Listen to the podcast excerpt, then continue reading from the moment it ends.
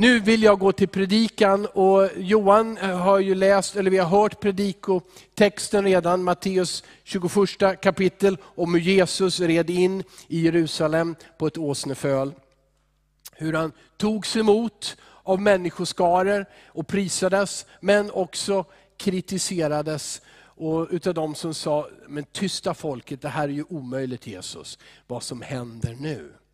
Eh, jag kommer dock att använda mig utav den text som återges i Markus evangeliet. Då går jag tillbaka till kapitel 11, för jag hoppade över den predikan då när vi var där i kapitel 11. Eh, det här säger jag till, speciellt till er som inte vet om, men jag brukar predika, eller jag vill predika genom hela Markus evangeliet. Eh, den här storyn finns alltså även där. Vad är det som händer? Jesus kommer till Jerusalem, till huvudstaden, för att presentera sig som kung. Det är det, det är det, han gör här. Det är det som sker. Han kommer för att presentera sig som kung. Det har han inte visat så tydligt vid, vid något annat tillfälle. Eh, han har varit i Jerusalem flera gånger och vid något av tillfällena så var det i, princip som att han också han undviker det för han vet att de vill döda honom där. Och Det här vet lärjungarna också. Att i Jerusalem har Jesus fiender som vill döda honom. Men nu är det sex dagar innan påsk och pilgrimerna strömmar in igen till Jerusalem. Det var så här att alla judiska män de hade befallning om att tre gånger om året komma till tre högtider i Jerusalem och fira dem där och offra. Och det här är naturligtvis den allra största, Passa, eller Pesach, eller påsken som vi säger. Och där kommer Jesus med människor från, från hela Israel och egentligen från hela världen som kommer. Och, och eh, Då sker det här som vi läste om. Hur när han sätter sig på en åsna så då blir människor helt tokglada. Och, och börjar ropa. Ropa messianska eh, eh, titlar. Hosianna, Davids son. Eh, och, och de, de, de, tar palmblad och de tar kvistar och de, de både viftar med dem i, i dans och i glädje, lägger dem på marken. Och de tar också av sina mantlar, säkert mycket längre än kavajen här. Ytterkläder och, och lägger dem på de dammiga vägarna för att Jesus ska rida över. Som en röd matta kan vi väl tänka oss att det var.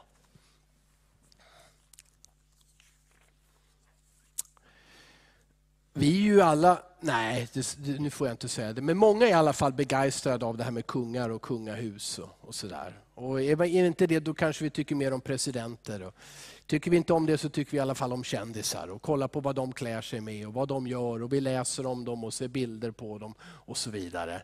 Eh, eller hur? Det, någon, det har någon slags fascination det här med celebrities och, och kändisar och kungar, kungahus.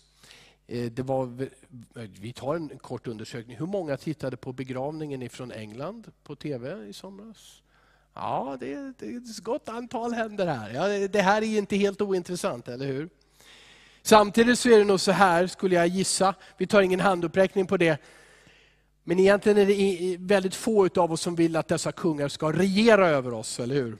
Det är, det är fint att de finns, eller hur? Men, men de, ska inte, de ska inte bestämma över oss. Den tiden tycker vi är över, eller hur? Men låt mig göra en jämförelse, för det är någonstans så att med Jesus så kan han vara oerhört fascinerande och spännande. Eh, I vad han sa, vad han undervisade om och vad han gjorde. Och tänk om det faktiskt gör under idag, gör ett mirakel. Han hjälper. Ah, det, alltså han är spännande att på något sätt få reda, mer, få, få reda mer någon preposition där. Få reda på mer om honom. Eh, men eh, att han ska regera över oss, över mig, det kan vara mindre populärt. Att Jesus ska bestämma och jag ska lyda. Ah. Men Jesus kommer till Jerusalem för att visa vem han är, att han är kungars kung och herrars herre. Att han är över hela jorden och över hela universum och över allting skapat. Att det är han. Men Jesus han lyckas än en gång göra det på det där sättet som man inte förväntar sig att kungars kung borde göra när han glider in på scenen. Men det viktiga här är hur vi tar emot kungars kung. Vi vet att om, om vi skulle få möjligheten, och vi tar en liten handuppräckning en gång till. Är det någon av er som har fått audiens hos kungen någon gång? Är det någon som har träffat vår kung, Sveriges kung eller en annan kung? Nej. Vad sa du? Ja, precis. Jag, jag såg drottningen och, och, och, kungen här i Eskilstuna vid ett tillfälle för några år sedan. Jag tog med barnen och vi tog med flaggor och så gick de ut på Strömsholmen över den där lilla gåbron. Och det var allt säkerhetsavstånd och så vidare. Vi kunde vinka och jag tror faktiskt att drottningen tittade på oss och vinkade. Hon såg så där vänlig ut som hon brukar göra. Det var stort. va? Eh, och, och, men det är avstånd i alla fall. Och som sagt var väldigt få vi vet, även om det svenska kungahuset kanske inte är lika stelbent som en del andra, så det finns etikett. Det finns saker som man måste hålla när man möter en kung, en drottning, en regent. Eh, det liksom förväntas. Jesus är å ena sidan, och det här är 100% sant, han är vår frälsare och han är oss närmare än en broder, närmare än en syster. Vår allra, allra bästa vän. Samtidigt så är han kungars kung. Så ifrån den här berättelsen, när han kommer in för att visa vem han är, presentera sig. Vad, vad kan vi, hur kan vi ta emot kungars kung? Ja, men då, jag vill läsa eh, vers för vers här en gång till. När de närmade sig Jerusalem och var nära Betfaga och Betania vid Olivberget sände han iväg två av sina lärjungar. Jag vill säga så här, kungen vet vad han gör. Han vet vad han gör. Lärjungarna kan mycket väl ha tvivlat på att Jesus visste vad han gjorde. Jesus hade sagt, när vi kommer till Jerusalem kommer de att ta fast mig, tortera mig och döda mig. Thomas hade sagt, vi går med dig för att dö tillsammans med dig. Sex månader tidigare hade de varit just i de här trakterna. Jesus hade uppväckt Lazarus som hade dött. Och många prisade Gud för det, men ledarna i Jerusalem sa, vi måste bli av med den här mannen, han måste dö. Och nu är Jesus på väg dit, och, och de märker att han vill göra en offentlig grej utav det här. Så skickar han iväg två lärjungar. Man kan undra, vet han vad han gör? Men Jesus visste vad han gjorde. Han var där för att presentera vem han är, judarnas kung och kungars kung. I vers 2 så står det så här, då, han hade ju sänt två av sina lärjungar före och sa till dem, gå in i byn där framför er, det här är alltså en by alldeles utanför Jerusalem. Så snart ni kommer in i den ska ni finna ett åsneföl som står bundet och som ännu ingen suttit på. Ta loss det och led hit det. Det här är, alltså det här är ju, när jag var barn då kunde man kalla det här för Galle Mattias, alltså det är någonting galet. Vem har ridit på en åsna? Snabb handuppräckning. Ja, titta där. Titta, två, ja, ja, det var, oh, oh, oh, vad många ni har ridit på åsnor. Bra. Nu tar vi en ung åsna som ingen har ridit på. Var det en sån ni satte er på? Nej. Varför inte? Jesus skulle rida ner för Olivbergets sluttning. Det är brant, har ni varit i Jerusalem så det är, det är en brant sluttning. Där går tiotusentals människor. De gör ljud för sig, de ropar och de, de börjar dansa och sjunga och ha sig. Och Jesus hoppar upp då på en åsna som ingen människa någonsin har suttit på. Vad tror ni att det här blir för en show? Det här är en rodeo. Det här är en, en liten galning som man sätter sig på. Men Jesus vet vad han gör. Kungen vet vad han gör.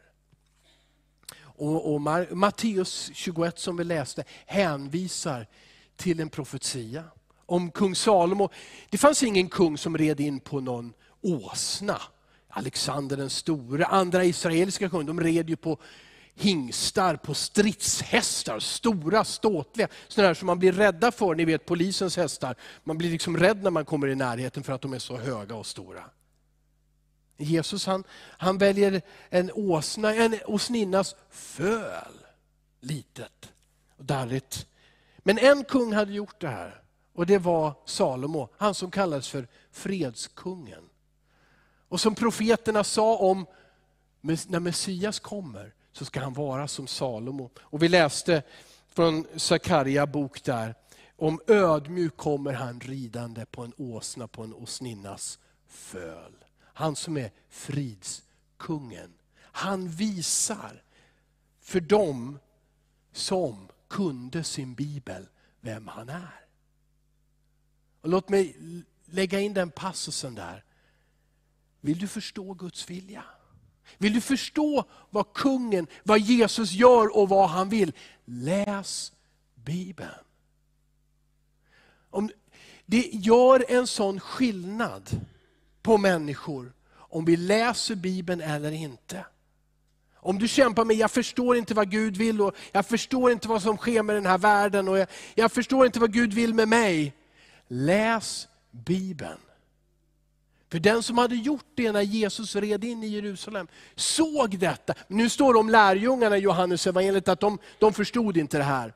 Det var först senare, efter att Jesus hade dött och uppstått och blivit upplyft till himlen, som ljuset gick upp och de förstod, wow, en profetia från 500 år som uppfylls i Jesu liv. Och han gör samma sak som en kung hade gjort 900 år tidigare. Men läs Bibeln.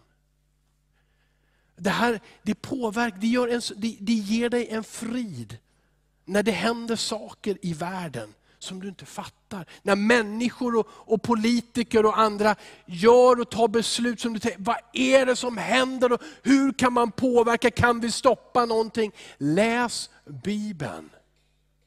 Och du får en kunskap om hur Gud tänker. Vad Jesus gör i vår tid som ger dig frid. Läs Bibeln varje dag. Läs Bibeln så ofta du kan. Det är inte för mycket att ta ett år på en bibelskola. Strax innan pandemin så var det två tjejer här, Kerstin och Marianne. De var ungefär 80 år gamla. Ja? Kerstin och Marianne. De visste att det fanns en bibelskola, tillsammans bibelskolan med Elimkyrkan. Ja, då gick de den. Det var en termin. Det var halvtidsstudier. Marianne hon är inte med oss längre, hon är i himlen nu. Och även där, när vi möter döden, frågorna, osäkerheten, vad händer på andra sidan? Läs Bibeln. Det hjälper dig att möta livskriser och utmaningar på ett helt annat sätt och med en frid ifrån Gud. Jesus ville presentera sig för huvudstaden. Och så red han in på en åsna. Vi lär oss också det här, att han, Jesus, kungars kung, vill använda dig och mig.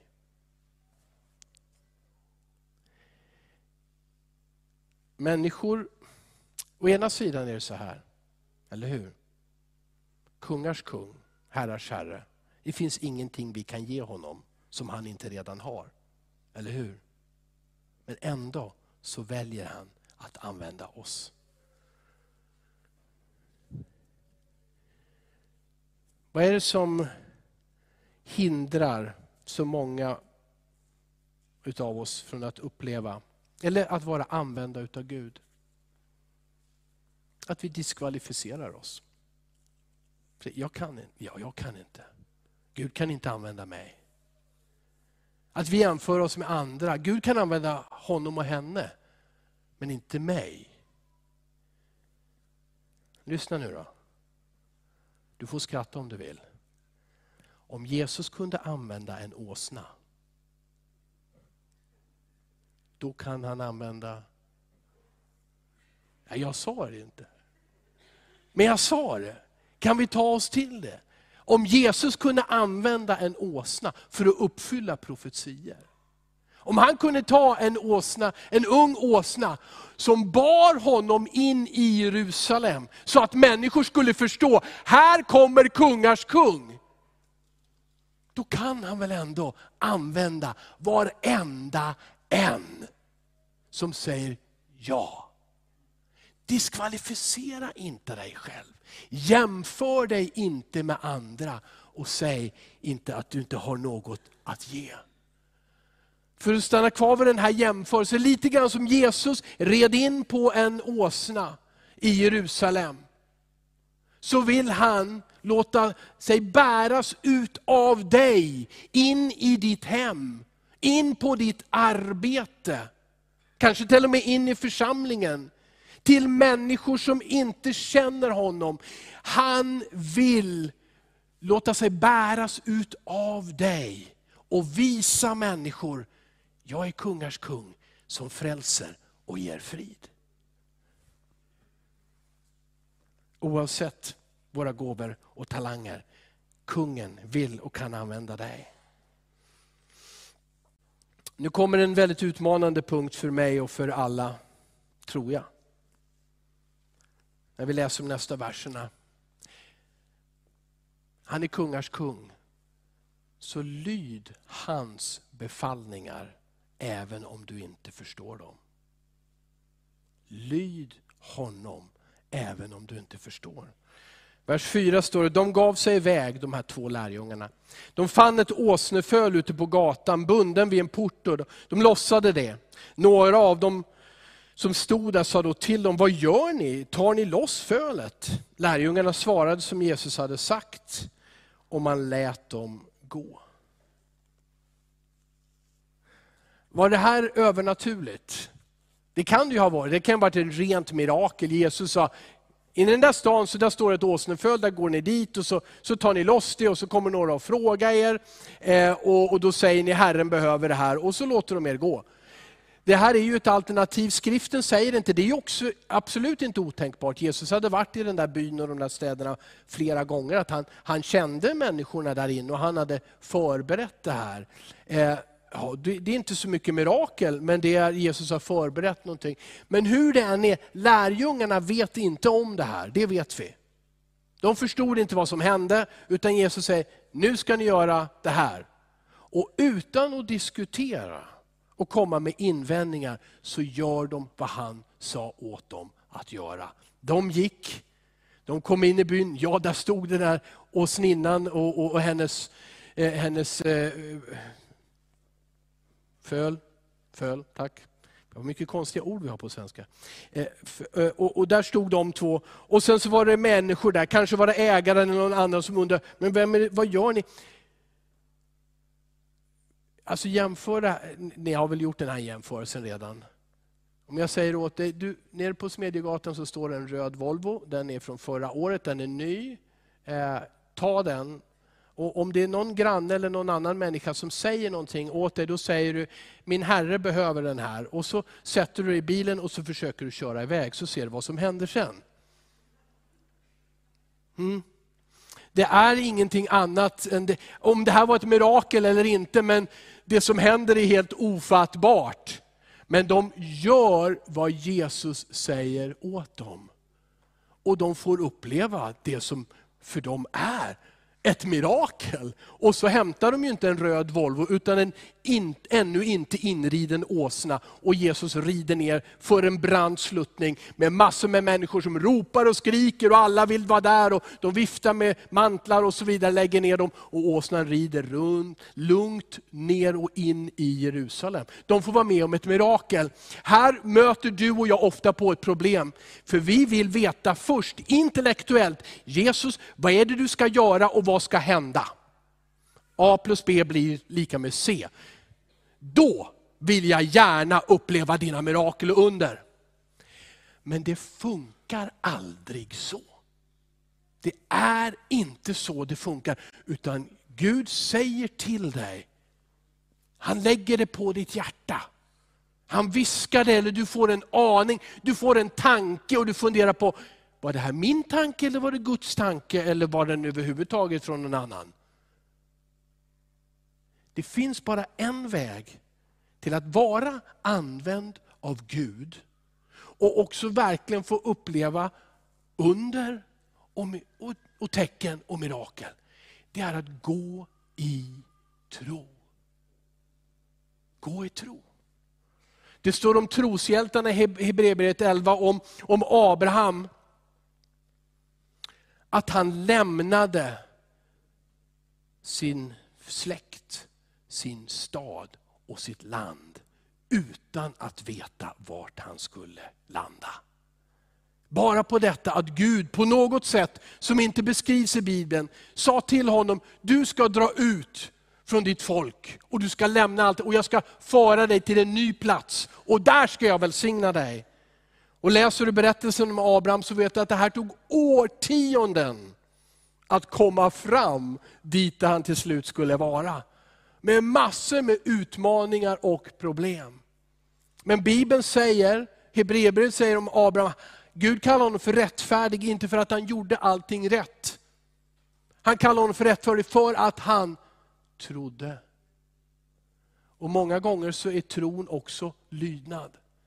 Han uppfattade att Gud vill att jag ska göra någonting. Och han gjorde det. Det är kungars kung, herrars herre. Paulus skriver, vi lever här i tro utan att se, men ändå är vi vid gott mod. Vi kan vara sjuka och vet inte, ska vi bli friska? Vi kan vara fattiga och vet inte, kan vi, kan vi ha så vi tillräckligt eller till och med bli rika? Vi kan längta efter en vänner eller en livskamrat. Kommer jag att få det här? Och Det lättaste vore ju verkligen om Gud sa, så här tjänar du pengar, så här hittar du en man eller fru eller många vänner. Eh, och så vidare. Och så vidare. Och så gör du det. Ah, Okej, okay, det är det jag ska göra, så gör jag det. Nej, han säger, lita på mig. Guds ord säger, jag har goda tankar för er. Hopp och en framtid. Det handlar om att ta steg i tro, dag för dag. Ibland mindre, ibland större. För att få uppleva Guds ledning och vara använd utav honom. Amen. Så, så, här kan man säga så mycket mer om det, men vi går ändå vidare. Men ta emot kungars kung genom att lyda honom. Men också utifrån det här stället säga att han är värdig. Han är värdig ära och han är värdig lovprisning. Det står i vers, 7, eh, vers 8. Nej, vers 7. De ledde fölet till Jesus och la sina mantlar på det. Han satt upp. Många bredde ut sina mantlar på vägen, andra strödde kvistar som de skar ute på fälten. Och de som gick före och de som följde efter ropade, Hosianna, välsignade han som kommer i Herrens namn. Välsignade vår fader Davids rike som kommer, Hosianna i höjden. Yes, de la sina mantlar på vägen. Det här var ett, ett sätt av ödmjukhet att hälsa en erövrare välkommen. Du vet, det vanliga var på den tiden och även i våra tider, det är att när segraren kommer in i staden, huvudstaden, ja antingen så fortsätter man och revolutionerar, eller så ger man sig. Och de gav sig. De, de sa, okej, okay, här kommer kungars kung. Det spelar ingen roll att jag köpte min jacka igår. Det spelar ingen roll att det är en Armani eller en Gucci-väska eller vad det än jag har. så att säga. Här kommer kungars kung. Och, och han är, är min herre. Och vägen är dammig och så ska han rida över den med en åsna. Jag tror att det här är den sanna tillbedjan. Jag tror att det här är kärnan i all lovsång, i all tillbedjan. Det är inte främst att sjunga sånger där vi lovar Gud en massa saker. Det är inte främst att be och säga, ja Jesus om du välsignar mig, jag lovar att hålla allting och, och göra precis vad du vill. Äkta tillbedjan, äkta lovsång, det är att säga att du är Herrars Herre. Och om du till, nu tar jag starka ord i munnen, men om du till och med rider över mig med en åsna. Det är fortfarande så att du är Herre. Och nu rider han inte över dig med en åsna. Men livet kan drabba oss och Gud kan ibland ge oss uppdrag där vi absolut tar oss för pannan och funderar, hur är det här möjligt? Men äkta lovsång och tillbedjan, den kommer inte från ett perspektiv där vi står bredbenta och säger, jag vet Gud vad jag behöver. Och du måste välsigna mig för annars så, så, så vet jag inte om jag ska följa dig. Utan det här. Och det är samma sak idag som då. Det är att böja sig ner och säga, här kommer kungars kung. Och jag vill inte vara någon annanstans. Här kommer herrars herre och jag vill lyda honom och jag vill tillbedja honom. Det är han. Det är han. Jesus Kristus. Jesus sa själv så här, inte alla som säger Herre, Herre till mig ska komma in i himmelriket, utan den som gör min himmelske faders vilja. Men låt oss fylla lovsången med absolut mening. Låt oss fylla bönerna med att vi överlämnar oss själva till honom om och om igen. Men det viktiga är att vi gör Faderns vilja.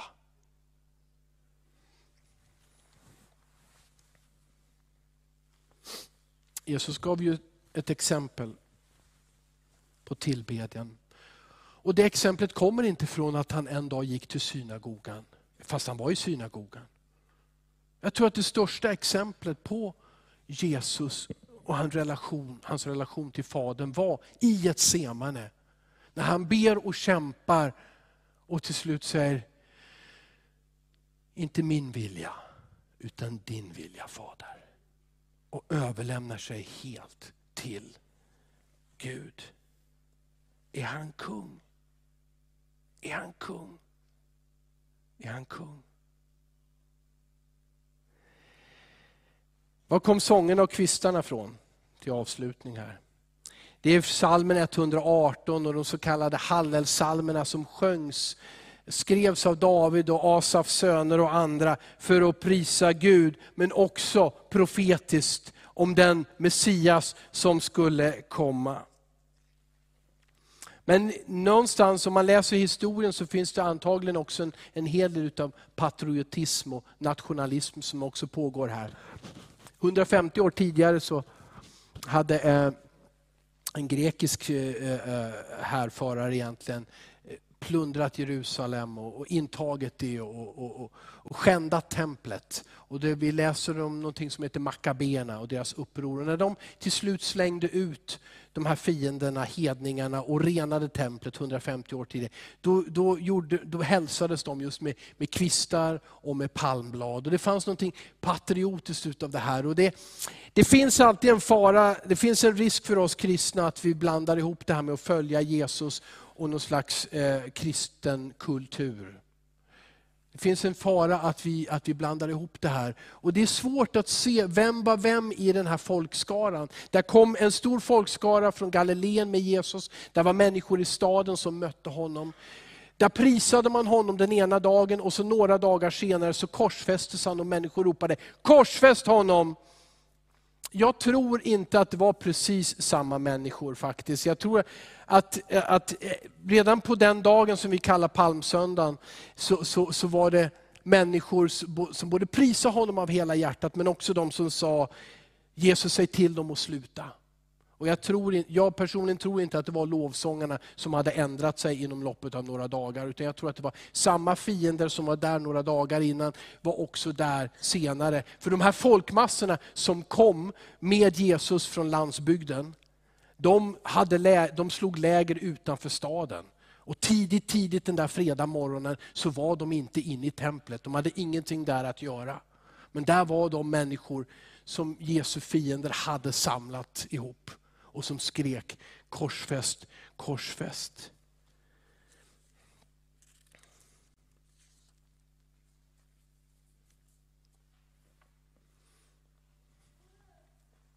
Men visst är det så att Jesus förtjänar all lovsång. Visst är det så att det är värt att ta av jacka och mantel och prisa honom.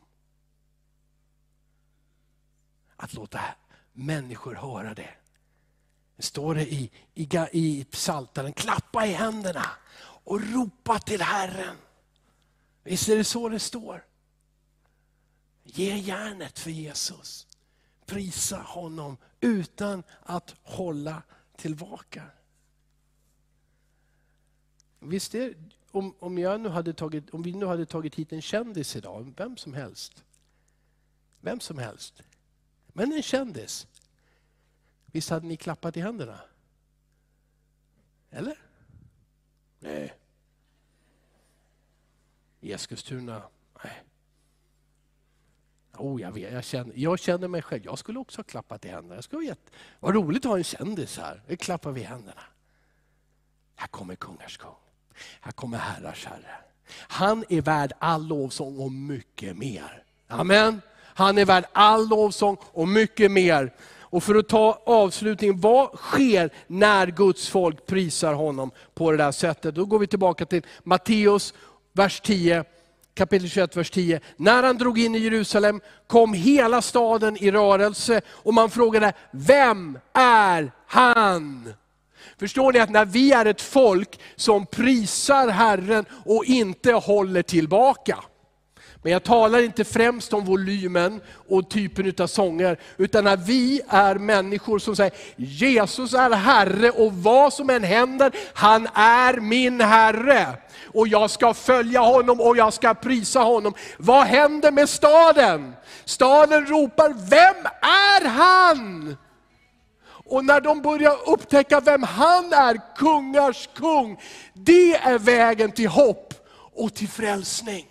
Så låt oss prisa honom tillsammans och ge oss själva till honom. Amen.